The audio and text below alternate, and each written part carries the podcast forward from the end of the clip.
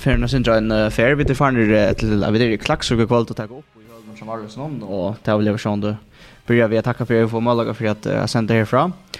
Och det som som hände kvalt det är vi för att vi får joggen gegen några dyster, en några dyster nu, vi så vi kan tro ju eller jøtla, og for å kjøtte joggen några hinnon och så får jeg det som tar noen spurninger opp som tid, uh, lustar kommer vi, og hvis jeg stadig har spørninger, så kan dit uh, skriva inn i ja, NFL-farger under trainen her, eller smsa til 26 24 trus, om du har noen spørninger om ja, også så viktig som rent, eller bare også generelt om NFL som, som vi får at uh, er røyne at uh, takke opp, og uh, ja, og til uh, Kvalder, da så det uh, Agnar Presta, og til Axel Berg, og til Peter Hansen som er i studio, og i halvtida vi færre Vi får spegla kassa ballen och göra vi får uh, lägga ut uh, vi tar också.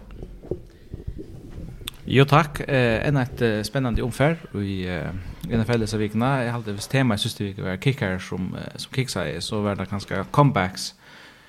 Vi står om stil öle och vantande comebacks som kom i så vikna öle under underhållande att uh, sitta och efter. Vi kommer ta oss mer om till om det enkelte destiner her i, i Naston, Eh, men först så får vi lukka takka några tøyender om hva det er hent i NFL. Her i vikskiften om søste vikna, og iveskriften er en en affær, en, en skreie, tja en noen playoff-leie som uh, kommer at uh, vantande hava en stor effekt av hvordan vi sørger til kappingar og det er at um, Trey Lance, quarterback tja 49ers, han som hever tidsi iver her, han uh, Han har brått i Öklen i, i Distonon mot Seahawks um, och brer över och ut resten av Arnon. Och det här märker så att jag att han känner en Jimmy Garoppolo han tycker ivratter och i eh, 49ers här som du inte väl tjå någon han eh, spalte jag helt väl mot Seahawks. Um, så man kan säga att uh, Agnar har gått att du slog mot tre till buss tycker vi att uh, man inte...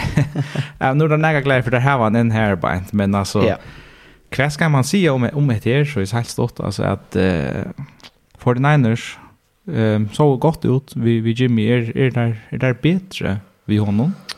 Ja, för det første så alltid jag skulle säga till øyelig harmelig att en en ung spelare som som är eh som hever några dikter og som ett fele har satt seg ikke på med skatter och att han har vill operera och, och till som det Ölia kjeder på några kommentarer. Men i halt på några kommentarer att eh, att San Francisco 49ers eller att de har vi gossar också i Jimmy Garoppolo som de kunde bruka. Det är inte så att de stannar fullkomliga av Baron. Det är en spelare som är först till, till Super Bowl för och, och jag vant att, att vi kommer att säga att, att, att 49ers som jag vet inte om det var bättre än det här utan det här få ett så short att svära på kan man säga men, men att, att least som sagt han ska bjöda om playoffs uh, kjallt om, uh, om Jimmy Garoppolo var, var ganska synd kassera över och inte uh, ja faktiskt rättliga kassera han tar det så väck från i sin preseason men uh, Ja, det är faktiskt anker som är sportstocken när man som skriver in sportsnämn om mitt halt att att han får klara playoffs utan Trey Lance. Så det är jag vet inte om kvart kartu om du utfattar du ser för Trey Lance som kan se kvar de har bättre chans att lösa playoffs. Alltså jag har alltid det att uh, Trey Lance har nu över också Eva som i, i NFL men, men man ska känna det man ska tänka med det att Craftry Maverick kommer in och bara spelar från mm. sin första öron tre det bara då är fullt röna heta. Det är inte som gör det alltså man ska ju ha tydligt utveckla sig och, um, men um, han har några alltså Trey Lance har några några några eh några egenlikar som är nog så spännande. Han är nog så explosiv quarterback men um, Jag ser chansen för för Niners kan komma i playoffs. Han är vill jag han är nog hackare vi vi Jimmy Garoppolo men han har en chans för att vinna Super Bowl är kanske inte hvis man ska tänka att han vet ju att är helt lite nog gott vi Jimmy till att till att vinna. Eh Adam och bättre linjen i NFC. Du är bättre så är det så för Tyra så är så är det något så obebatt nu för det går i NSC så ju alltså det är det är orealistiskt men man ska inte lugga hitcha efter alltså att det är en grund till man får väck för Jim Garoppolo det tror jag att hans loft är inte så högt och han har spelat sig playoff test när så hevde inte så imponerande ut. Hans här eh statistiker playoffs är Oliva Sammer han har att eh 133 yards per dist i 6 dister fyra touchdowns sex interceptions. Det är inte det är imponerande det som han görs. Man när han, han bäst play efter sig från han har nu kastat lite. Ja. Mm. Um, så. Men, uh, men jo, spännande att försöka se det för att det utveckla sig. Och Eisne, om han klarar att hålla sig skias för igen. Ja. Det tror jag inte klarar sig väl i sina karriär. Nej, men nu du shown är, alltså, hon är, hon ska gå ut över och öppen och, och ta vinna ju en, en dist mot Seahawks division game som kan vara väldigt viktig. Så, så en god början till Jimmy Garoppolo i alla fall ja, en, en annan quarterback som eh, tar ganska i bänt över Justin Herbert som eh, hever det kallas för broda ett brösk i rövbänd någon. Det är ja, jag vet inte hur att det ska er som lagt ner till nog till nog en man sliter ju också brösk ta men ja. Ehm um, lukar ju Eh man vant vi till han sin driva sammer till här i vikskift någon men men man han det nog inte en lång gräns grej.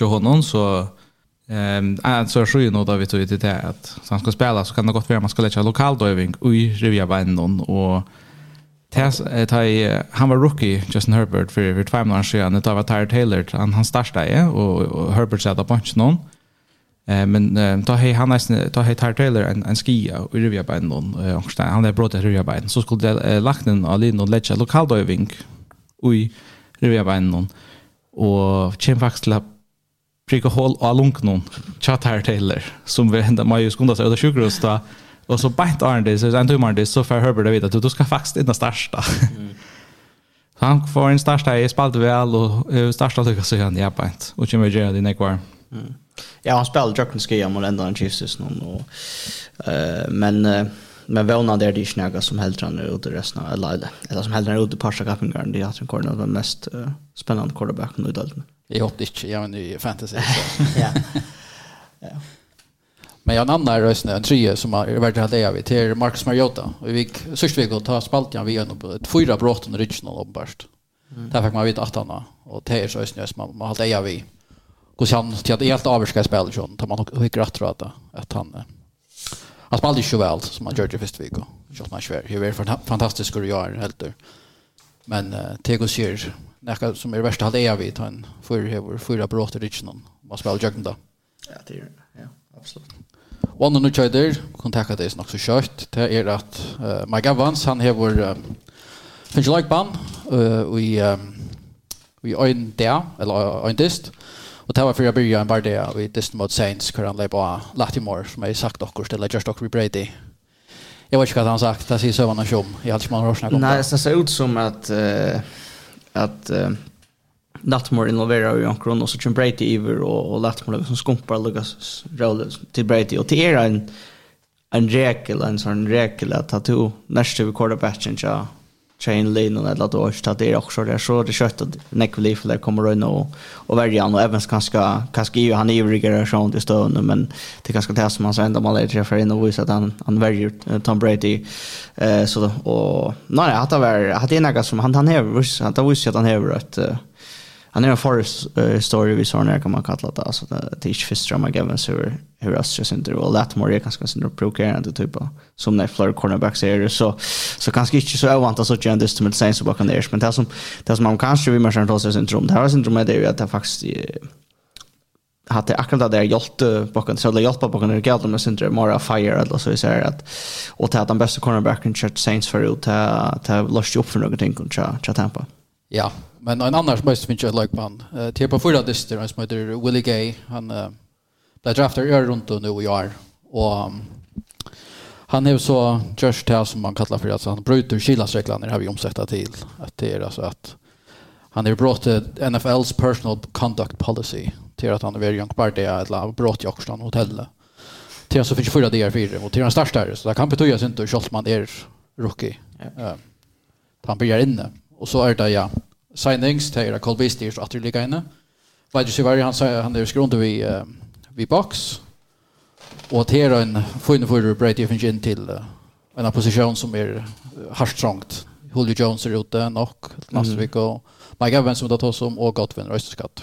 Det kanske kanske han ja han slått sig som Tom Brady kanske lukar som mangla så han han är lukar som en för alltså ösnär att Tom Brady har ofta haft en, en receiver som spalt kan ut i slott och sett han som tar, tar stilla inte helt emot söjlen till tar som är sin långt inne så innan tight enden ofta eller så innan eh, en receiver som stand långt ut i men eh, spelaren som kanske kan lofta tar stort till stort kast nu och så får jag sin draw av ega yards eh, eh Sarah West Wealth Walker och John Edelman tror jag kände för över såna typer som Brady och kunna ställa extremt mycket på och Scott Miller är Charlotte Blue och Towns Bell och Buccaneers en så så det kan vara nöjda go signing. Ja så allt avgörs han är Brookfield och han har ju haft 812 yards som är nu tror jag till sista han spelade vi Bills. Så det är hardt tilltrångt allt det.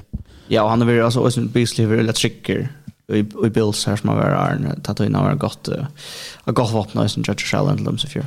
Och jag skulle så lägga direkt av er i Disney. eller skulle ta konkurrensen under spurning nu där finns av Facebook.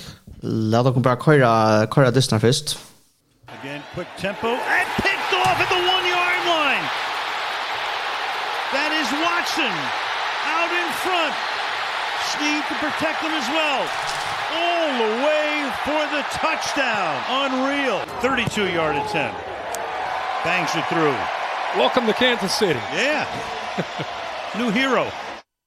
Ja, Chargers tar kom väl från början. Tar skora sin första två drives och lägger sig 8-0. Komma ur komma så igen ur Hollers någon väl och lägger sig 8 Sejan. Eh, Shay, Mahomes gör comeback till Sejan Sejan. Herbert och Chargers har bollen i red zone vid 12 minuter efter av fourth quarter. Men han kastar ett Shay half yard pick pick six som vi har hört här på en tiden. Eh, Ta vente det nu fullkomliga. Chargers har ett fair fair möjligen i fourth quarter affär för uppe jauna men må panta på affärer. Och ja, det är tyvärr inte gott för Chargers att ha kört det här pick 6 och säljer sig igen att annat till Herbert som det tar som möjligt. Jag har alltid gott att man kan ta så om att distrin han väntar fullkomliga när här har hört någon Alltså, um, vi nekvar langt av dissen og virka chargers til å være det bedre lige. Mm. Eh, nok så sindri det lukka vel, altså, som sagt, det kom Ølla fra byrjan, og man har alle kjenslene av at tar færre stavjas dissen, og, og, men uh, Chiefs som sagt, kom altså atter her beint, altså fra, fra Sejan Shea opp til Sejan Sejan, men um, at det skulle gjøre at Sverige, det kan du ikke måtte etter i fjorda korder, Eh det är ett ett vanligt kast av av Justin Herbert. Han man bara se akts mer.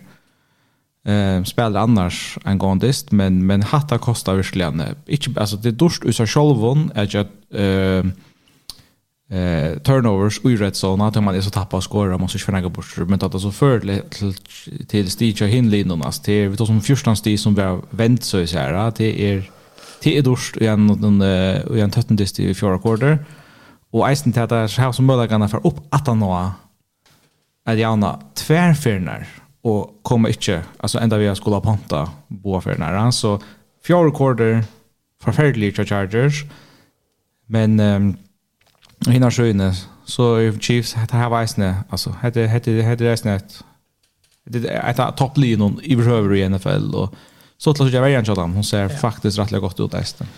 Ja, alltså jag, jag sa det som min känsla var just nu. Jag har skrattat att Chargers var bättre. Eh var bättre och lönade en parsta dess någon. Eh och jag kanske Herbert han spelade ju kanske inte halt alltså bräkande jocken så rent men han spelade ju väl eller stabilt och värjan alltså värjan generellt till Chargers kan säga att secondary fan mat att det som stäcka Chiefs album Mahomes kom angående ganska en rytm i förra men men det är den interception som blir som det öliga distar ikke det er jo men det er brøyt det er dysten og nekv, og Og ta viser seg som at har, ja, så kanskje det reger det mentalt, uh, og så er det at har på det som er begrenser av de største de største drive noen. Og, og ta Chiefs finner sin rytme, så er det bare ikke at det har vi gjør, det er det vi da vi kjalt om det ikke har at har kill gjør, så en øyla, en øyla, en dyster som levde sig upp till det som man kunde vanta och så mot han var väl jag og kanskje ikke så uh, nekk offensiv forsker, og som man kunde kanske en en touch i samma lag men man kanske kunde vänta men men absolut fel som som vi kommer att se i EFC eh kappa som är i krona och i januari här det är säkert bra. Ja, så det är känslan av att Chiefs all på det här va en mer av Europa. Alltså Mahomes över 235 kast yards det någon två touchdowns kastar bara 534 när så det var Det är inte dåligt hej vant Arndis det man har varit synd mer som säger alltså uta shootout som man kallar det för ja alltså det flyers det att halva att det heter alltså två av de bästa all upp någon över i NFL men det är så att allt en av de största dem är väldigt anklara att att ta in och täcka för det att han ganska inte gång så öle väl här på men men du ska helt givet driva så i är och Chargers har inte utan utan Keenan Allen. Det där kan man ganska lugga vid mest att kanske att Chiefs nej Chargers har jag spelat utan sin bästa receiver. Schalt om Mike Williams spelar eller lägger för jag ja ta oss inte till låt men men det här Allen är väck till Towers. Ja det gör det absolut. Ehm Vi får lägga oss om Patrick Mahomes. Vi är bara så släpper han att stäva vi man kallar för true turnover worthy plays i det någon alltså här man man där kunde vara en interception som som skulle kasta och lugga alltså faktiskt så ger han fel där men Chargers variant tar inte av på det här möjligheten lucka som Chiefs lucka som ger det här på inte? Så det är helt snägt vad vi tycker efter att distan han är kunnat så säga helt över sig ut och väl. Det är det är det små tingen som som ger det. Ja, ta allt till allt och det är öle erkligt charge chargers där hade rävle gärna vilja jag vinna hela distance mm. alltså lax är inte bara åtta eh i divisionen men Eisen simpelt haft tiebreaker och liksom Mira börjar vi mot Chiefs det ser innan hus det är rävle viktigt inomhus ehm det tar som avgör visst visst där vi ja då så så blir det innan innan hus uppgörande som som avgör där Tonga Bailoa There he goes. away chasing touchdown Craycraft. Tua going deep. Oh, he's got Hill! He's got Hill! That is six! Tunga Bailoa, blocked by Armstead. Going, he's got him! He's got him! Tyreek Hill! And the Dolphins have come back! Tunga Bailoa, blocked by Armstead. Two into the end zone. Caught for the touchdown! Caught for the touchdown! Yes, så för jag tar om att vi inte fick shootout i Kansas City så fick vi det gott nog i Baltimore.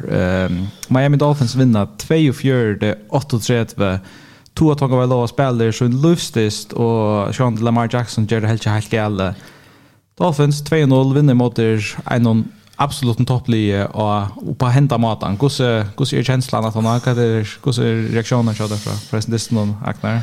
Nej, det tar väl sån du syns jag så eufori att ser till längt i mitten att så stjärna man nu finns från säkra som man vann när från Patriots så på första play här eh Kenyon Drake scorer Rob Gronkowski run tacklar fullständigt kaos men men det här är ju inte några tutning mot playoffs så Hetta føles in the mer som at hetta er en stærfesting av Miami have hava ikke bare hava spennande allop, men faktisk hava et uh, extremt spennande allop, sälja och Uh, faktiskt ösn man man gör version champion det Charlton då lätta åt sig sti in till jag tar tar lätta allt det till touch sti tar lätta touch sti in det sista eh 20 minuter av det snön och la eh 25 det kan det bli Och det är ju alltså förstår ju alla tunna Lamar Jackson och company that distance ska out just och nej alltså synter paradoxalt kan man eller vilt att ta färra för över. Jag tar 18 för 8 och tjej innanför alltså vi trim touchdowns och så rätt 18 för vi, vi trim touchdowns så inte det distance så eh imponerande och hvis man ska vara kritisk i för Raven så måste man också se att Kadir Torgera och uppdateringen alltså tar kills efter tvär för att uh, att Jokas Frujan och och och för två stora touchdowns. Men men uh, det verkar som att har lucka han också väl nyer uh, större parsta alltså första parsten det snarare för några catches några next short catches men Jalen uh, Waddle för några next större plays och så tar det ett nästa att lucka ner för Waddle så det Hill som blir fri så det verkar som att Lina har en trubbel till att uh, kan man säga hantera boar eh spelarna så så självan det är ett ett kan man säga Champions League cha Miami eh blå blå 2-0 och Jada på händerna. Jag tar nog stort där så jag ser catches cha Hill alltså sportar man ska gå på en löfta på ett bultarna för skjuter. Ja, ja, ja. Så passerar han in i en sån. Ett läge Ja, akkurat. Och Sean att stå över det som man så spårar ju Om man har no stora arm och han har inte tackat någon som Patrick Mahomes gör, men det som man ser är han öler precis i kasten. När han, han kastar alltså bara kasten till det lite akkurat är hans rännebanan och det tar sig någon skär till Lemsle Kisicki och och är alltså lite så att så bara se kan få andra bulten så på Hammar han häver han en arm som eh som absolut kan brukas i NFL alltså next som så smart det vi bara att ta man kastar sex touchdowns och så han lust och för nästan 500 yards. Så så kan man sagt han spelar ligan så och, och kredit till Mike McDaniel tar head coach alltså han är han är han är i San Francisco och Grar Lucas som blir känd som en sort offensive geni och där man säga att utifrån precision och sådant knowledge så så ser det ut som han har funnit akkurat det rätt gosser.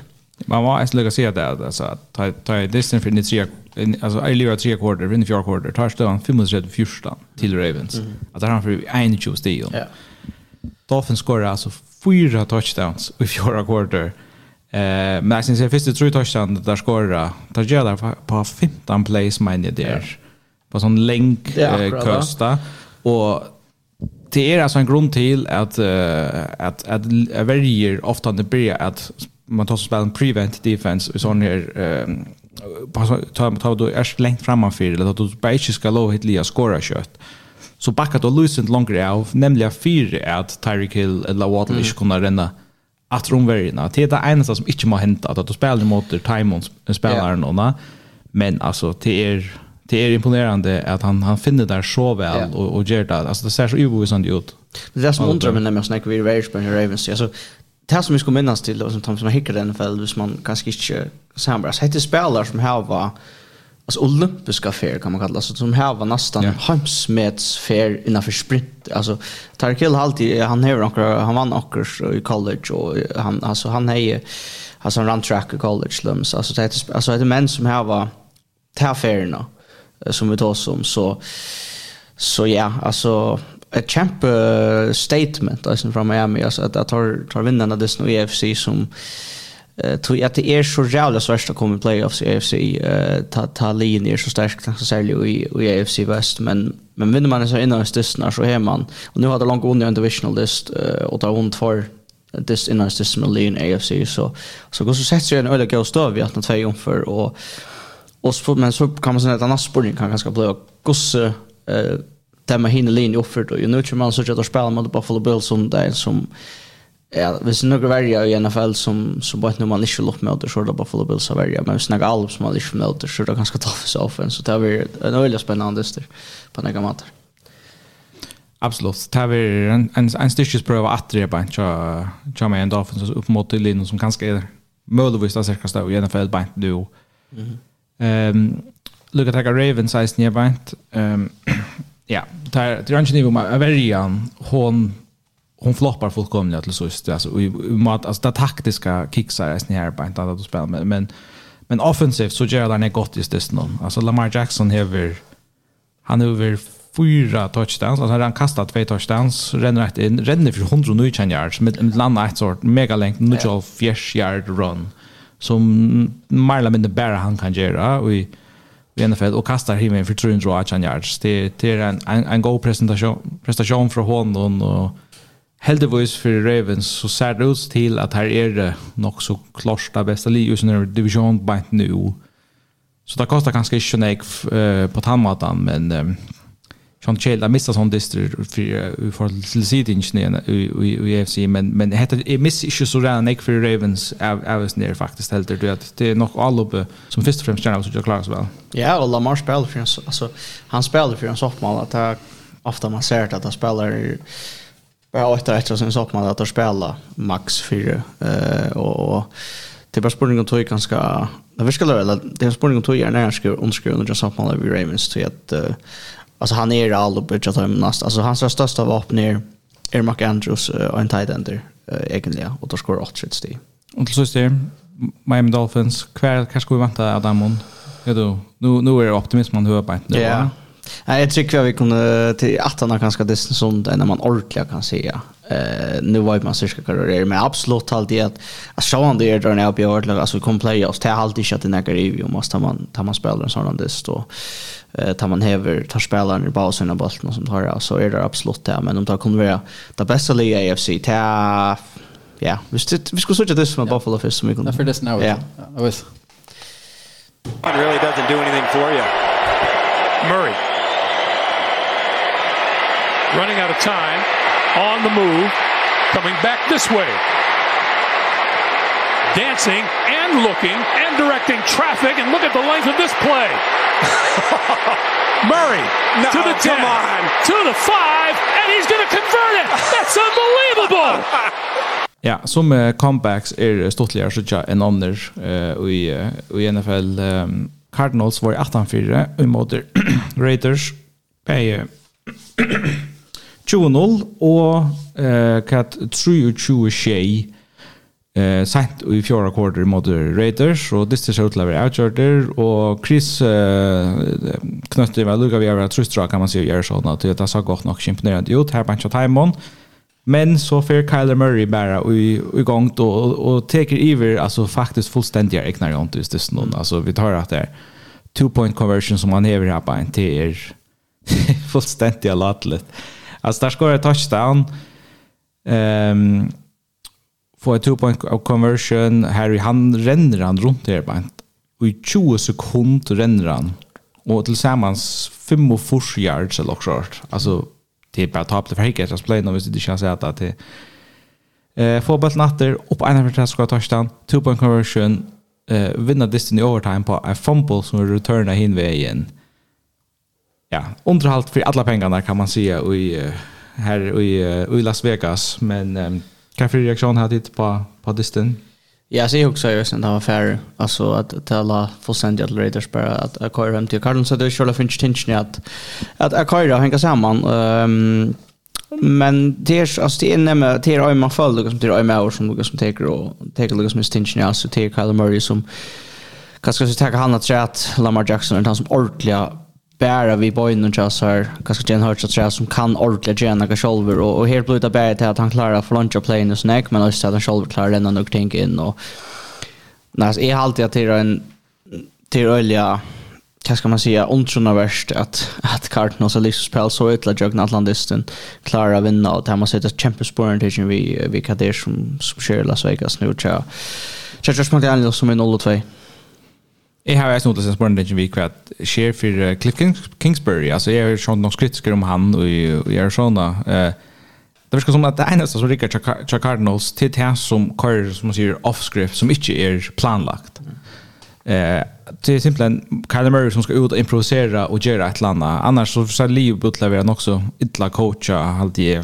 och några snett i play calls där här var i allt det där här sort i overtime så har vi där ett 14-1 med landa och så nej jag skiter jag linje char Raiders sparkar field goal men färdigt då till det fair nog men det så länge kastespel till alltså man gör det snäppar rända att man vet att man har Kyle Murray som är så kvicker hur kunde skaffa där sig stort yards nä ringast att helt jag gav allt att skulle få sin the two point conversion så få det delay of game ut ur en timeout. alltså att ja.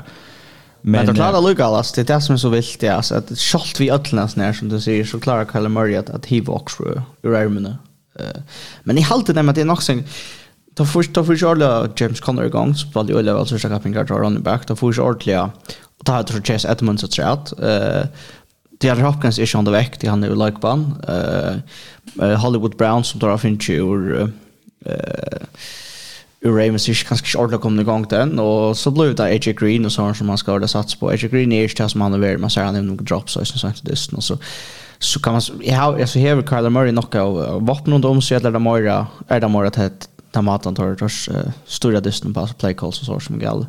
Ja, så det är ju drops alltså kritisk drops. eisen sista dysten om av AJ Green här ett att tre down en goal eller ta på modellen och Marquis Brown hade fort down som ett som i overtime. Han missar verkligen bara bulten. Han fär bulten i händerna så för så vet vi ett nice play väl men han han missar han bara. Så så ju inte ta ta till Nick vad säger att Andrew Hopkins han kommer att rätta han har sex distributioner där han är suspenderad över. Men alltså det var ju så att du har en klassa spelare i uh, Kyler Murray eller som som häver några fantastiska inläggare men man kan inte vanta man kan inte spela vinna det på hända maten konsekvent i, i NFL där det får ikke gänga heter allt för tillvildarligt simpelthen och och tar tar må ha några mera traditionell eh, ting är rik alltså några mer alltså tar tar planlagda upp på tar play call man man man vill synd bättre och mer mer rytm och ju få att det synd det simplare eh, yards än yeah. än det ska vara han som skapar det fullkomliga så man hickar efter alltså hur så ofta han rätter så att det matchbolt i sin nästan det är typ typ pura tablet alltså att han näst sista touchdown drive så är det en fort eh, en four lock right fort nu är här också fort down conversion i det non cha cha här som Cardinals ja nämnde få han eh, där skoras touchdown. Two point conversion visst man stäcker det här så det ju en alltså en en two, two point game eller two score game. Eh sista drive i det någon eh är en dist för alltså tog in render ut så häver eh av fourth down ta er han fan Marla minne säkra han totalt omringad av Max Crosby. Han får lunch play. Jag måste på att det kan här. Vi får på om att vi det oratlat hus så man prova att connecta till wifi här i huset någon istället för vi köra på eh rodaren. Yes. Så vi vill åter man lukta löst då. Men men Axel frågor som kanske bytte knut och hända det Jag sa kontra Cardinals, så vilt att de kommer åter och kanske det är någonting som bättre, men, men Raiders tar han nu haft två av första stunderna hade tappat uh, vi minns en touchdown här har haft alla chanser själva hässer så att vinna det. Vad är det som som inte lyckas då? Ja, eh alltså I think som i ödlan för eh kicks kicksar på att det där får släcka inte Adams i spel just det någon. Ehm han har två catches just nu. Att det sjön det att touchdown men alltså han har 12 yards. Mm. Med det någon till till eller ölikt exempel att du har en så gåan wide receiver alltså som han är Ehm alltså annars så släpper där undan några som står fel någon från från Derek Carr eh with det snande väl att två touchdowns och en interception och ja, jag vet inte kan man ska se att det är hästen ringt alltså går så väljer du mot några som tänker någon som du sa för sånt så just alltså här det är inte här ser det inte så mycket känslor som vi gör vi vi Ravens att till några taktiskt som kicksar upp att det är bara en spelare som som tar över så just men det är rävligt tungt til att han er 0-2 nu, och det, det er tungt bräcka till, till playoffs härifrån i en AFC som är, är, är proppa vi, vid er en lion. Vi så uh, ta Josh McDaniel så venner i ut den var ta här så kostar han öliga i början men uh, ta fatt liv och sen jag ser man. Här är nog tänk uh, som han Tim Monra över offensive coordinator Patriots och så över över head coach i alla fall. Ja, du först inte fokusera på, på bara på allop på samma månad. Alltså det är trubbelt att Cornelia vet han är playcaller i Chadamon.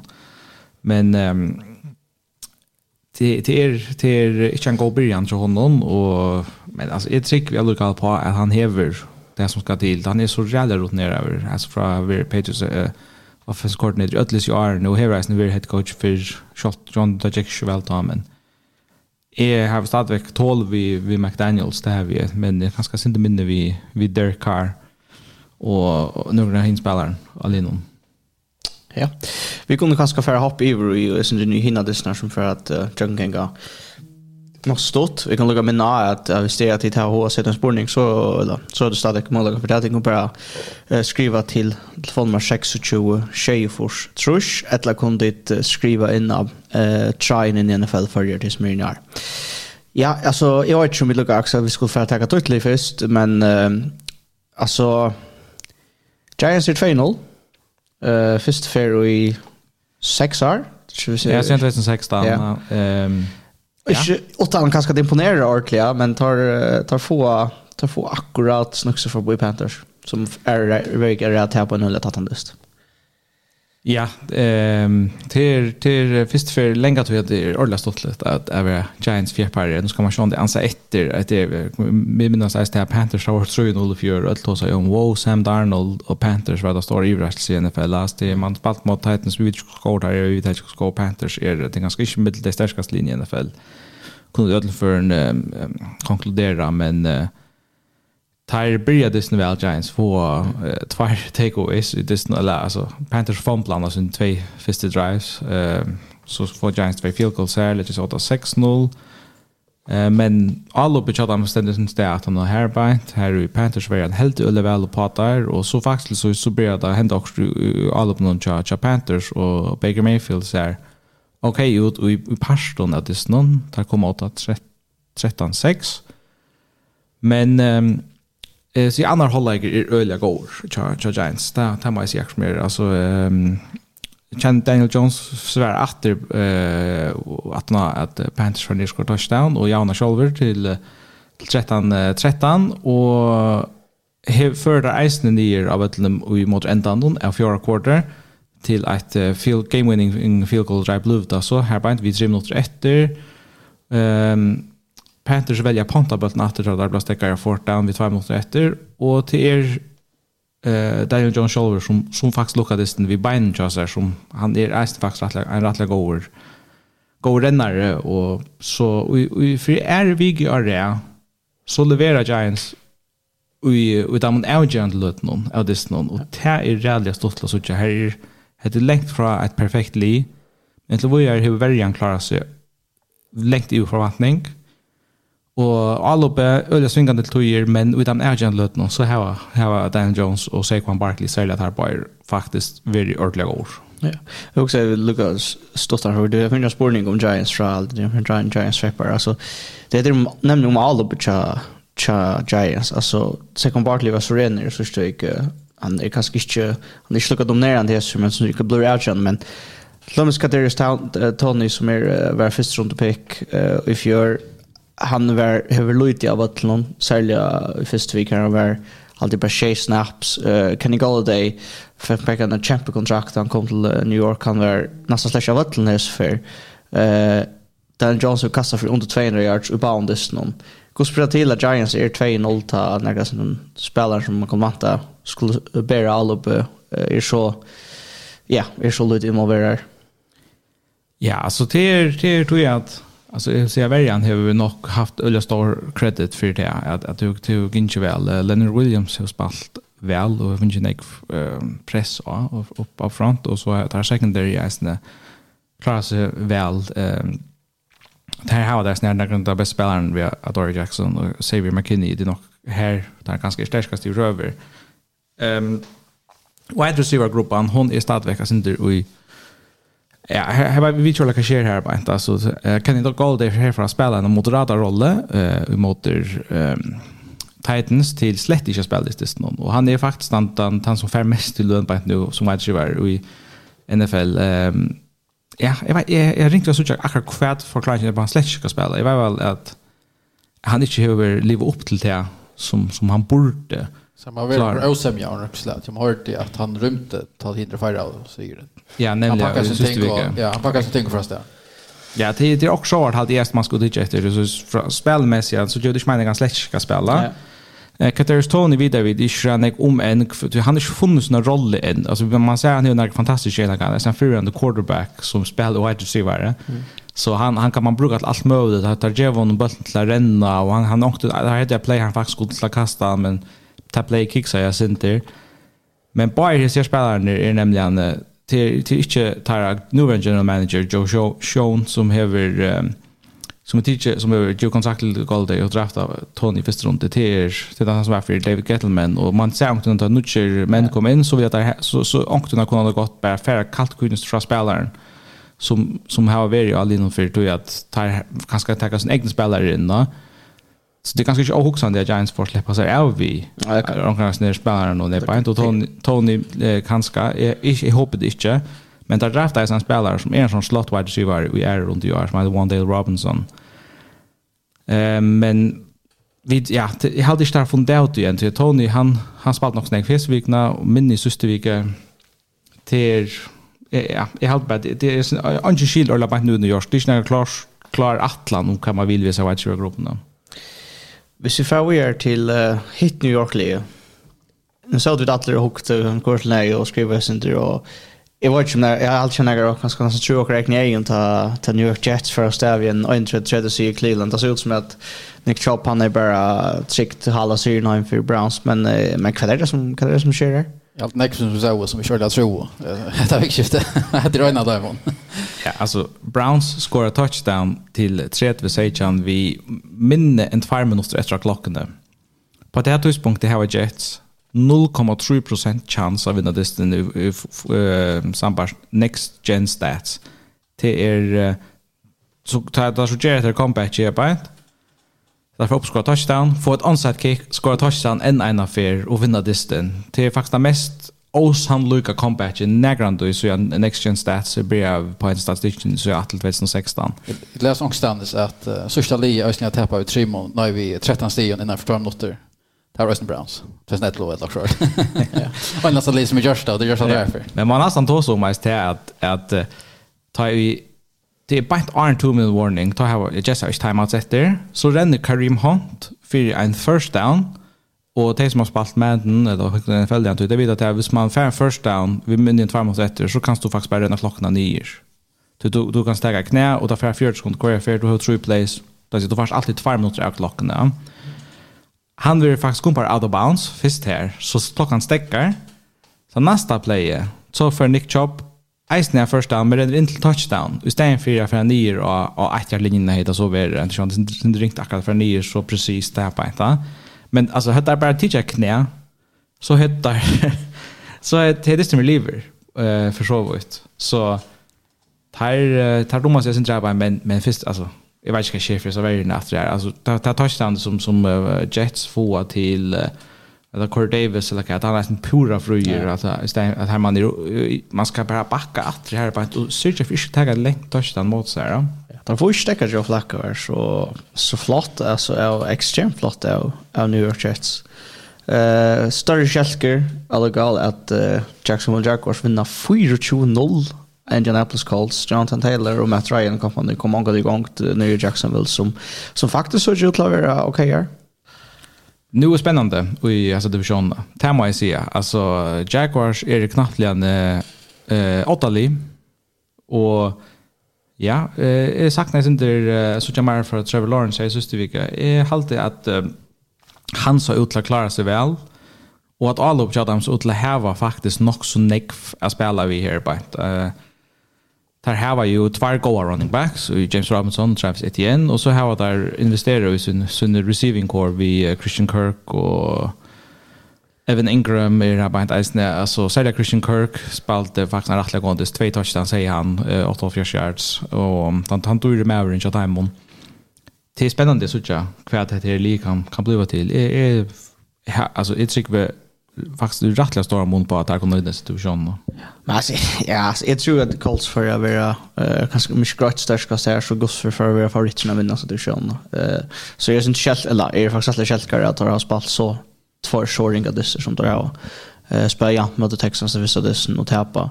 Så Nej, här ska här ska också självsäkert ransäkert till om att träna ner över shortlistly till den går för. Jag tycker ganska det som är mest i Braska ur höver han är så vanlig. Mm. Alltså jag vet väl att hans karriär gick inte ner här mot ändan i Atlanta. Men jag tror på att han kunde ta sig fram. Lucas som vi då säger är veteraner Gera Nutchen Blossom. Alltså han spelade slett inte väl mot Texans. Hade hemma var ända ringast distans spel ur höver sin karriär. Han hever han han är 16 utav 30 för 155 yards, en touchdown, tre interceptions. Det är en elendig list från Matt Ryan. Alltså man också bara kom nu och igång där. Chuck Holtz, det, det är panikrig. Hvis han inte klarar att, att vända det så är det inte chans att han är Men, men så han det är tvär, tvärdeligt farlig. Han är ofta, så han ångar det finns skyltna för att Falcons nu är över, kanske inte vanliga under några år, men det är alltid ganska visst att han verkar ganska ja. parter av skyltna. Man har ofta, ofta hörst till Lee som vann allt. Ja, och, så väntar man han för till den goda situationen då vi calls och tar tar man blabbar han i snär för för Vents och så kommer det playoff. Ta var en ganska allmänt känt att det var en rebuild i Atlanta och allt det där och att det är inte för att det var ganska snu att det skulle vara så långt men calls kanske som du säger nämligen bättre att tar inte till att det här vart alltså det här var gott lite det är inte fantastiskt men det har alltså öliga gå vapen och de har en öliga gå linje och en fantastisk running back och John Taylor och så ett öliga stabilt defense det ser ut som men Men uh, här är nek ting som ikke tenker samman. Ja, tar det som vänner rösten nu när går. Ja, ja ja, alltså här är ju något att att men här är också att att jag tycker på chef från Craig och dem där. Ja, jag alltid väntat hade gosse som är helt vis just du kör. Jag väntar Colts och Titans för att kappa stomta och kanske innan hos Disney här blev jag men Ja. Men vi ska lucka tagga Hitley och som Jordan vill tagga den där Texans lucka till att alltså Texans spelar utifrån mot Denver Broncos och tar täpa gott nok, men tar i vi dysten alla vägen som är öjlig överraskande till två facetter. Sen jag tyckte att Texans sagt så jag bättre utan än jag vanta, men hittar till att Denver så ganska värre utan än jag vanta. är en text ja här är Texans svepar till för och nu skriver jag att uh, om uh, han vill via Texans kapten Dark Horse till att uh, om vi kommer Super Bowl men så kommer vi playoffs. är, är, det här vi där i att lära bara att jag spelar med Lee och Russell Wilson som slasher kommer och det gång. Fick vi inte på playoffs till Texans. uh, Mills är det ordentligt av oss här. Han ska Lee vara finnas lä men Mills är ju ordentligt spalt väl. Och det Broncos har bara varit rävliga vana där. Hissa på att det snarare möter Seahawks och, och Texans. Så tar få Oncherika och Nathaniel Hackett, head coach, han tog släcker vid att styra klockorna som man säger. Nej. Vi har tackat timeouts och att få spöl in till tyna till quarterbacken. Och ja. Ja, då blir att helga. Asgården blir att helga nio. Det skrev jag nämligen om mig. Ja, ja, och det är hos bekymrat att det första hemmadistet till Holm och Wilson tar blå ett öttet där där tar nio, men där boar just nu. Alltså, Mitt i dist nu, det är en dist. Ja, och att han, alltså, Asgården var att han mekar stämningar av stadion hade det var fullkomligt kaos från från från här så ju Euros Wilson ska passa av av skilden men alltså det som man vet att här från Nathaniel Hackett är förfärligt. Och man som säger hvis du i öllen örn arbeten i världen närmast mötte ju upp och den tvär första dagar då skulle du prestera och hej så alltså alltså nästan så det var allt Erik så hej du inte sett han tre dagar till arbets. Alltså Men så det är inte det i NFL, la man, oh, man ska göra en tog eller något, men alltså, det är inte att förställa så här med som ser ut att bara släcka vidare kan han gör i bröver eh, ska visa sig att bli en, en, en goer head coach eh, i, i NFL. Um, ja, jag, jag vet inte vad jag ska säga, men um, är eisen här så, så jo, Nathaniel Hackett är ett kämpe problem, bara nu, tror jag att uh, han rulla sign in sin play call sign attack out here vi tar sen graferna till att man nu kost det hade en episod det hade 14-2 och så alla där färdigt och så kortar field goal uh, team in men så var det för sent så kom det delay of game här. Och så var det ut ur field goal range och ända vi har pontat där då alltså kaos och inte skilla överhuvud ser bara toppligt ut där. Tror att och att två tror inte delay of game och hemma vet inte. Har ju inte bra tid. Nej. Men men att det här är ju det ut att nu snackade vi om Josh Martelli och Generators och en förrande öliga successful offensive coordinator och alltså Hackett var var ju offensive coordinator till Jaguars för uh, touch mot för att komma Super Bowl för några fem år sedan. Han han talarna från ett och är briljerade och han var or coordinator Packers Aaron Rodgers MVP season så du känner väl Peter som coordinator ja, men, men, ja, Packers. men det är bara något annat kanske nu till att, att, att allt sammanlagt som ska kan gå upp och, och något så grundläggande som man inte styr play clock det är det man vill öliga Ja. Det är något för han tycker att det ska han inte ordentligt ta kvar för. Han inrymmer att Scholver är i presskonferensen att han att han han tar Sky Voucher och han har också shot där så att till till Shell Ibuvisande och jag alltid den den, den största troblagen som som Broncos har alltså statistiken och det här det har en skora ett touchdown i red zone. Där är vi sex färnar inne i red zone utan att skora touchdown. Det är alltså det är helt eländigt att vara 0-6 på den måten.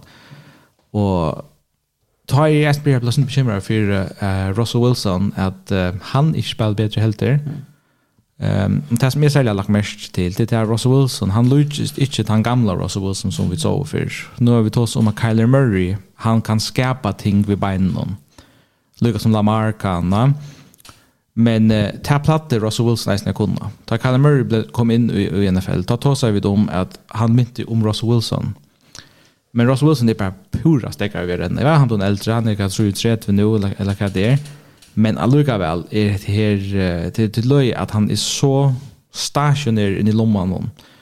Ehm det hade jag, det det inte han har bruk för att komma sin mer ut och och och, och, få röna få skapa sin mera.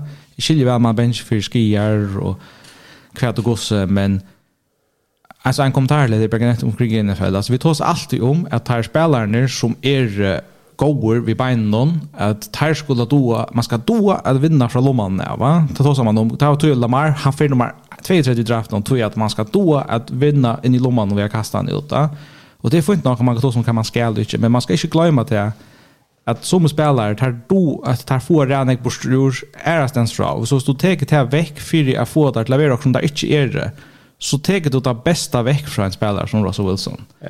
Det som han väg går till är nämligen att improvisera och att skapa plays och förluncha playsen. Ja. Så här, jag, jag, jag saknar så den gamla Russell Wilson att i, i, i, i Broncos. Jag var ganska spänd på det projektet. Mm. Ja, det var i Øysen nu. Jag ska, jag ska söka Broncos och Jaguars. Sett i London i år. Så det var... Han måste vara bättre för jag ska få en grandist. jag väntar att vara en neckmördare i. Tony in i John Broncos. Det må jag så helt ärligt säga. En quarterback som är gammal och som kanske inte är så komfortabel att komma ut ur lomman till Tom Brady. Han han får inte bild på Saints som uh, han första roundan av den regular season this too som Buccaneers quarterbacker men det var inte en, en Jag distrar alla på Buccaneers ordla spotlight, vi tar vi tar sig om tar vi Mike Evans blev utstyr och så där men tar ändå vi får Syrenheim och den Saints som uh, Ja, hvis vi skulle si at det ikke imponerende noen sort av hvis det ikke får uh, til halde pent sagt. Men uh, Brady var over. Ikke bra innenfor, men, men flere før. Ja, det var over. Ja. Alltså han eh, man som bekymrar för någon så så man vi vet att fyra gånger tänker privatlön och sånt alltså det är faktiskt Marla minne alltså grejt att front och nu han är han är separerad från från konen i mine att han är säger till och jag och jag presskonferens eller annat. Han hejer ting som han också gör eller vi hade någon ehm vi tar sig till off season tror hon någon vi sin över ja så vi ju alltså han han stäcker för passion kommer åter och så knappt igen så är han veck från training camp och i tvär en vecka att färd. Han är en familj färast vi familjen eh till öliga löje och det verkar som att han det som Brady var alltså som det var som när han tog och över han var på spel och inte annat. Så där vi ska ta ta ta fyra gånger förskäl tänker på inte Luton så jag vet inte, det kan kanske inte driva hur ska spela in jag vet inte, jag vet inte, men, men det, det kommer nog ta tills långt du kommer in i året. Man kan ska säga nu är Bruce Arians är i en konsulentroll, kallar man det, för en head coach, men det är en defensiv head coach som där har Todd Bowles. Är det något vi tar göra kanske att det är något ting som är bra runt om? Det är halt inte. Han vill till hava Arians veck som han skilder. Alltså det tog han sig upp eller blev flottor till det advisory role. Men nu är han på söjlinjen. Det är runt allt så kan här Ja, Så jag vet inte vad man vet inte ordentligt vad Arpation är. Så han fick han den titeln och vad ska han göra? Alltså det är sånt här som man man tar man läser runt där alltså. Ungen var ett ordentligt och ett trick vi kött till avskärran. Det förhållandet jag viskar skulle vara det allra bästa han väl i Buccaneers. Vi kan gå og kjøtt kjøtt noen av sånne Disney på for jeg har ta på å svære på spårningar. Ja. Eh Washington Commanders tappa 26-30 till Detroit Lions. Så inte imponerande att, att Lions vinner faktiskt. Ulla grejt. hade Distin, han, uh, ja, han var inte så tatter som scoreboard no, lyser. Han kom fram om 2-0. Och det första färg ett vi är att Lions, Browns, Nej, Lions var det kvar. Lions, Lions Jets. Jaguars och Jets. Lions, Jaguars och Jets vinner som vik. Det är inte liksom här var vi skulle gå så övrigt. Men... Och kanske de vänts kastar för Nicky Arts, så kommer deras, men uh, Gerrard för Nicky Feiler. Ja. Jag är inte bekymrad för dem i divisionen och jag vill helt inte vara bekymrad för Detroit Lions hvis jag var Packers-fan. Nej, det är spänt för dem men är det något jag spänner på projektet jag lukar att prata om. För jag har östnet att jag glömmer till Lions Vikings, simpelthen for å suttje styrkesforholdene. Jeg vant jeg Vikings vinner, men gusse gauer er og Lions nu møter til. Ja. Vikings som er og finner. Ja. Altså, nå vurste det kanskje ødelig Monday Night Football, men, men Packers for det gauer. Uh, for Niners tar vinna 26 mot Seahawks. Seahawks som ja, där tar tiden och man inte så gott li. Nej, jag tar och som också första rond där på Broncos som helt inte ska gå så lös kanske tar vi Eka mot Vera spela Destin mot Russell Wilson, Gino Smith och Eka mot Vera men eh tar tar finger angående det för fest i att Destin. Nej, och ivskriften är ju ett annat. Det är som vi där var när jag tror Lance förut, men Jimmy Jimmy in och klarar sig helt väl där på. Det är det är vån för att alla uppe och för Lee alltid man ska man ska skriva där ja. En annan det som helt kjøtt uh, til det at uh, Steelers har tappet 14 Seichan imot uh, Patriots. Uh, nok en klikk sier til Patriots. Vi starter skulle ha nægra vågen om halta seg fast i, i playoff-vågnene. Uh, Steelers er, er jo slett kjærbeint. Patriots vinner bare akkurat. Uh, Kjærst uh, Steelers li. Jeg vet ikke, jeg vet ikke om vi skulle ta oss sånn om han det snakker at... Jeg kan ikke kjørst noe å si om han at det var... Det är inte mest spännande distan att följa vi och nu hugg det inte några särskilt efter honom. Att det blir en stor dyster för, för någon annan sedan så är det en stor dyster, men, men det är det bara slunk. Det är ju nerbrötast. En dyster som var vi att Alltså som yeah. hej kunna vara vi kandidaterna i en svart comeback. Det var uh, LA Rams som uh, munte bläka allt väck emot Atlanta Falcons. Yes. Eh, uh, det var framför uh, kan vara det 16 31. Nej, men ta var framför det var mer än det. Her er framfor uh, 31 touch. 12 minutter i fjerde kvarter. Så Falcons får opp, skår touchdown, sier ikke han. 31, 8 ja, ja, man, altså, man ikke vant han Men uh, så tar jeg Rams var bøtten atter, så tar skott, så pontet han vekk 5 minutter etter, og det ble blok blokkeret mm. til et touchdown til Atlanta. Så er knappt jeg lov i disse nå, og det neste drive nästa för nästa drive så kastar Matt Stafford till Cooper Cup som famlar bulten.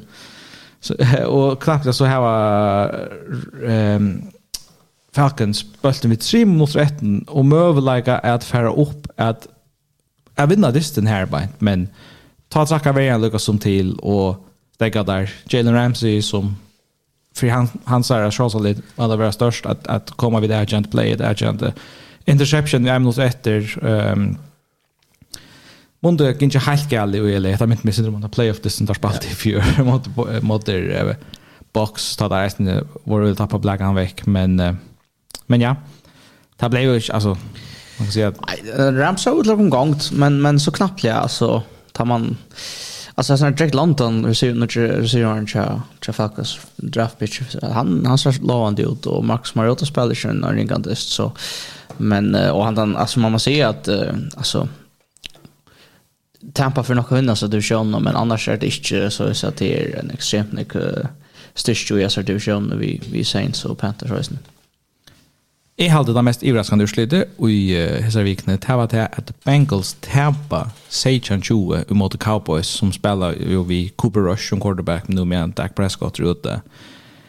Det var sgu överraskande och alltså matan där tappa på til Cowboys tar tar skida fullkomliga stist någon eh tulja alltså tar tar framför sig chans tror och hava pura stor av där Bengals all som som har varit så godt eh alltså som ju eh, var som är styrken att ta hem och det är ju playoff league från från AFC eller Super Bowl league från AFC i fjärde Ehm men Bengals jauna distin upp till Sejan Sejan och här var bollen ett får bollen åter ut framåt efter och han möter för upp att att skora eh game winning drive men för through and out och så är det sko av ett lån man cover rush som levererar här drive och vinner distin.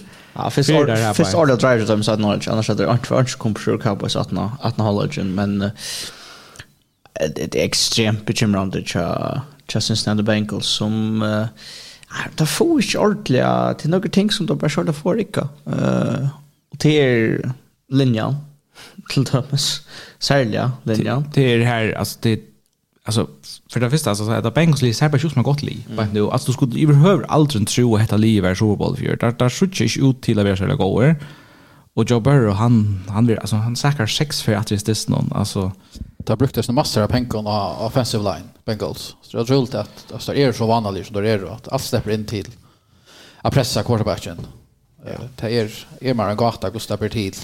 Ja, det är ganska också coaching som som kicksar här på att att du linner inte alltså man kan inte hvis hvis du spelar på en annan så så helt det Burrow inte är gjort. Alltså jag hade han blev säker hvis minst att Schaefer när så det 6 för hända distan till er det är rævlig bekymrende. Man kan ikke vinne fotballdyster på handa matan. Det er, det er trobult till Ødlån. Ja, absolut. Och, men jag helt syns att Cowboys var en sak jeg ut med det Buccaneers. Alltså, det är, alltså, vi tar halta ett så heter rymliga stöj som det gör. Det halta tar helt jag hade rätt sägen stegen bounds någon.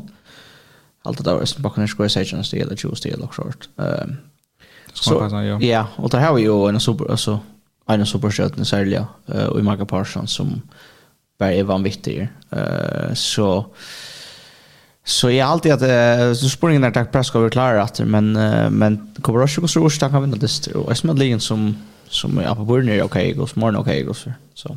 Ja, det är jävligt viktigt att Cowboys nämligen att att vinna sån här dister. alltså för det helt är vån och i fram chat timen, alltså att man man förnyar och då är är hever en eller vanlig record att action matter att det är i handen till att han kan göra också han kommer göra. Ja.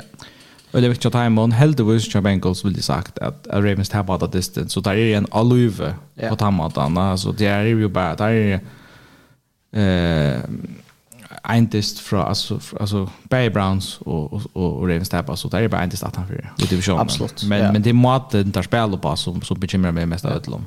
Ja, den nästa distrint här är Bears Packers. Här vinner Packers uh, 20 toucho.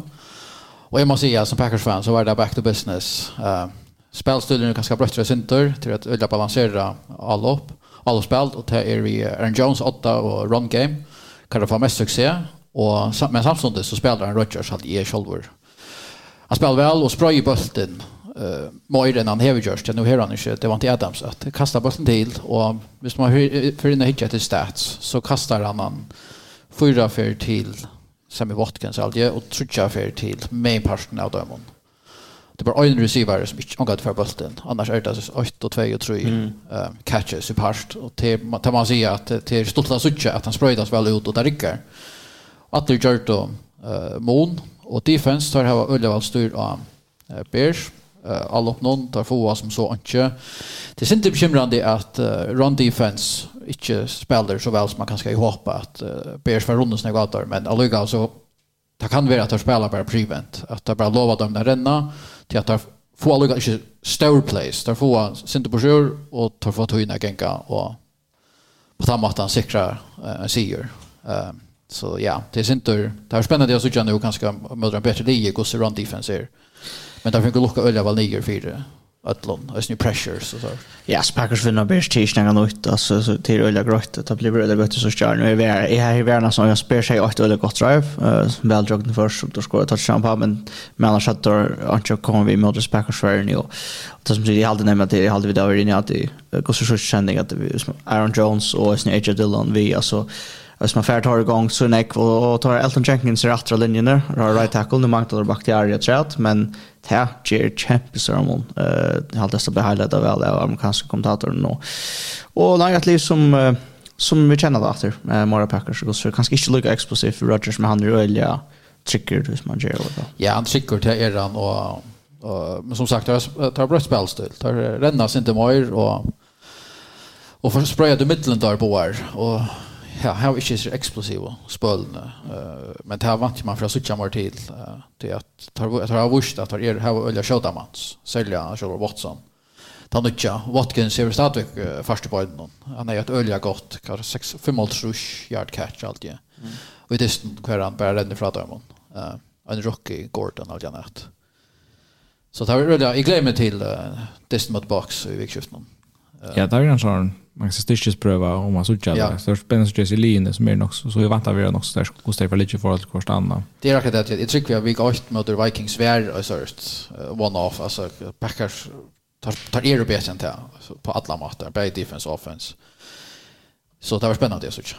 Mm. Så man klarar bara Monday night this när. Ja, alltså eh hvis ska se när kommer man Bills Titans det Bills tar tromna där nere på en tas. Vi nine för shame mot Titans. Vi vet ju om Titans eh eran vi uh, Ryan Tannehill om hon över ser sin bästa DR ta ta trick vi är nog mest på utland på någon där kan ju säga sin bästa DR men I'm out som bara Louis att att vara fantastisk till till Josh Allen eh man kan bara imponera över av honom och han har Stefan Dix Eisne som som han spelar väldigt väl och, och Lee ser krutstörst ut. Ja. Ta ta mig säga. Eh Så det er ikke en att uh, att Bills tar, tar vinna hända ner distan. Ja. Jag vet inte mer överraskar i det att Eagles vinner så grejt mot Vikings. Ja, ja. alltså hvis vi först tagar där eh hvis vi först tagar Bills så är det bara alltså det är bara maktdemonstration. Alltså tar ju så jävla nek bättre av alla parametrar och att det här liksom som till Titans så har åtta drive som gått där kan vi ändå bollen ner med annars kommer de får slett inte eh där kan vi gångt eh Och Buffalo Bills tar inte, alltså tar här inte, alltså han häver åtta kämpevapen, uh, Josh Allen till Stefan Diggs som är ner så renner, tre touchdowns, och så är han av värjan så dominerar han inte, uh, vad Müller så vill ha till först, och han är gott, alltså, alltså värjan. Så det är alltså inte uh, reende ska spela med dem, men uh, jag prövar samtidigt att, att, att Eagles, uh, att Vikings slett inte får BOL en gång mot Philadelphia, det det är man inte vant, att Just Jefferson kommer inte ordentligt i distance som man, uh, man har vant, och Eagles ser bara ut som att, att ölja uh, stabilt li og når man finner en en nästa spårning vi har här om Eagles är uh, en av favoriterna och i NFC vi tar när ikon så läs ner av Ryssland då tror jag Jag har alltid förtulja sig att det där är det är mangle av era sälter på att Jalen Hurts är ordentligt god. Ehm det blir väl tryck på att han nog är en en franchise quarterback. Det här kan det gott då säljer på och han spelar en brandist där på. Alltså han är han ränner ju två touchdowns in mine knee och kastar för ett isne och kastar för 300 yards eller plus. Ehm um, är halt det här blir som är stod mer på en Eagles men det vill säga att här är en favorit i NFC East. Ja. Så är ett sikt på att kom i playoffs med alla sånt. Jag tycker på att Giants kan ta sig ur men men Eagles är favorit annars. Ja, alltså jag också också om det så här är nu finns Edge Brown som är champ at det var inte Smith spallen en bättre reservsfär som där draftade i första rundan i fjör eh receivern. Ehm tar här var en my center som har spalt väl under backs på Sean och Jan Hurst som säger han kan ändå shoulder till störst val. Det har skadat det är då henne linje som ser stabil ut varjan uh, inte gå i Detroit men gå i Jar. Det är slays på det öliga. Ja, alltså här är neck va kan man säga eller här är neck ting som som pågår upp här till dem. Men Vikings inte spelar lika så väl som första veckan. Så ja, ja, det var ja, jag står öl undalt. Det var som att söka alltså han Alltså den första det om allt. Det var det var samma stövande som jag håller inte någon och det är snädare för 20. Jag vet inte vi skulle ända vi just ner. Ehm jag tror det finns några av de spårningar ganska som helt kan kanske få inte ända vi. Eh om jag vet har finns fyra quarterback nu och vi skulle rata dig från bäst till rinkast. Eh och till sätta upp i hesa rättfilchen till Patrick Mahomes, till Tom Brady, till Josh Allen og det er Aaron Rodgers. Det var unkjørt var gamle. Ja. Og takk av du løtene eller at det var på det beste. Det var en Det var en jo. Så det är så gott för sig att att det alltid är öliga grått att det är så när Tom Brady nyast. Det har alltid kört det näka i om vi alla vill för för mannen och tas man Josh så är han inte inte större att ha honom på nu. Det har alltid kört han är. Jag vet inte om det är och Axel tror och Sandra Axel men är är sant. Alltså jag hade han var bättre än en Roger Sverige för år. Ta ta hade jag och Roger Sverige MVP. Ja, jag hade han var god för han var öliga god för men men han kanske inte det allra största tiden för och han var helt god playoff men Tower Rogers kanske nog helt inte då så så så det men ja. Jag har alltid tagit det man men man men man ska huxa men han är bättre spelare runt om sig än än right receiver kan man säga. Ja, är är och goer så det är lätt att mitt. Ja, jag tar man måste se. Men är det så Brady Rogers eller vill du skampa han upp i topp 2 i Gus för Peter Rogers? Titta, man alltså Mahomes är inte imponerad med. Det är just det när. Så Ivis jag inte om kvar nummer 2 och 3 är. Ja, det alla är bäst. Helt då? Ja, det hade jag. Ulötne. Ulötne. Alltså alltså Mahomes är spalt bättre än Allen. Vi så täcker kanske att ha åter och Men ja. akkurat lösningen alltid Allen är bättre. Och så är det lyckat här om Rodgers eller Mahomes. Ja, alltså jag alltid att Mahomes stadigväck är inte alltså inte till några andra väljer teker krona från så är han den bästa alltid. Alltså man kommer att visa att att han är bättre än han och det här var vi inte se Josh Allen just än alltså han har möjlighet för det i fjör visst visst han den stund och det kanske kommer komma Super Bowl eller ett annat men jeg har sagt at han er den beste i, i mm. NFL, men jeg har alltid Josh Allen er reellig tatt på på nå. Jeg vil lukke si at Josh Allen, usen av karriere, hever vi svingende. Och vi vet inte om vi får några nya tur från honom och några veckor in i mitten här bara. Det här stål är mer på Mahomes. Men kanske toppnivå i Jalen är att Ludvig vet. Ja, det ska ska styra han bättre till att han är mer så nu är Mahomes öliga och fysiskt inte han så jävla god. Han är öliga och fötter och så champion alltså armen. Men Allen är stärsk alltså han han kan ränna bollen nästan det mer och till dagsens NFL helt bra så jag kan säga. Eh så på tamma kanske är Allen lite firmon men är alltid att och jag aldrig sen Allen hur spalt hvis man tar Passa så så starre faktiskt play av Shelton Mahomes som långt så så hade faktiskt Allen spel bättre och i början var extremt väl men jag har ringt jag för att se att Mahomes jag får bara lägga på Mahomes långt nu till att uh, Mahomes är rusta kontrollerat lite lägga liv tror jag att han att han har upp har höjt i lite. Roger ser sin ambivalent vi till halten spalt uh, han spalt såna geocappingar han var så goer men spurningen är om han är ja om han är akkurat samma ställe nu alltså och, och det är ganska ösn vi har sån vi har sån fyrvarnje kallar det för cappingar han för hävande utan han uh, nu knappt inte över en en receiver som som är uh, all pro level. Ja, så halt jag detta var det vi tog eh Yes, fair. Vi vet väl att nästa vecka. Eh, mycket där en klockan uh, nuttjo. Da vi går kvöld där då. Ja. Och vi vill ja lägga ett fall till att fortsätta vi fyllt väl i och äntligen att uh, att uh, checka sin i NFL för det här de flesta och Lucian väl när det är inte så där gärna bra på passa tog på Facebook och så för då sen tacka Norrlösson för det vi kunde husa och kunde här kvalt. Ja, tack så mycket den du börjar nu. Ja, det går så tacka dem för att vi kunde vara här i vi höllen så tar vi ner till över. Jag förnöjs på några månader. Allt är gott att få. Väldigt tack så mycket.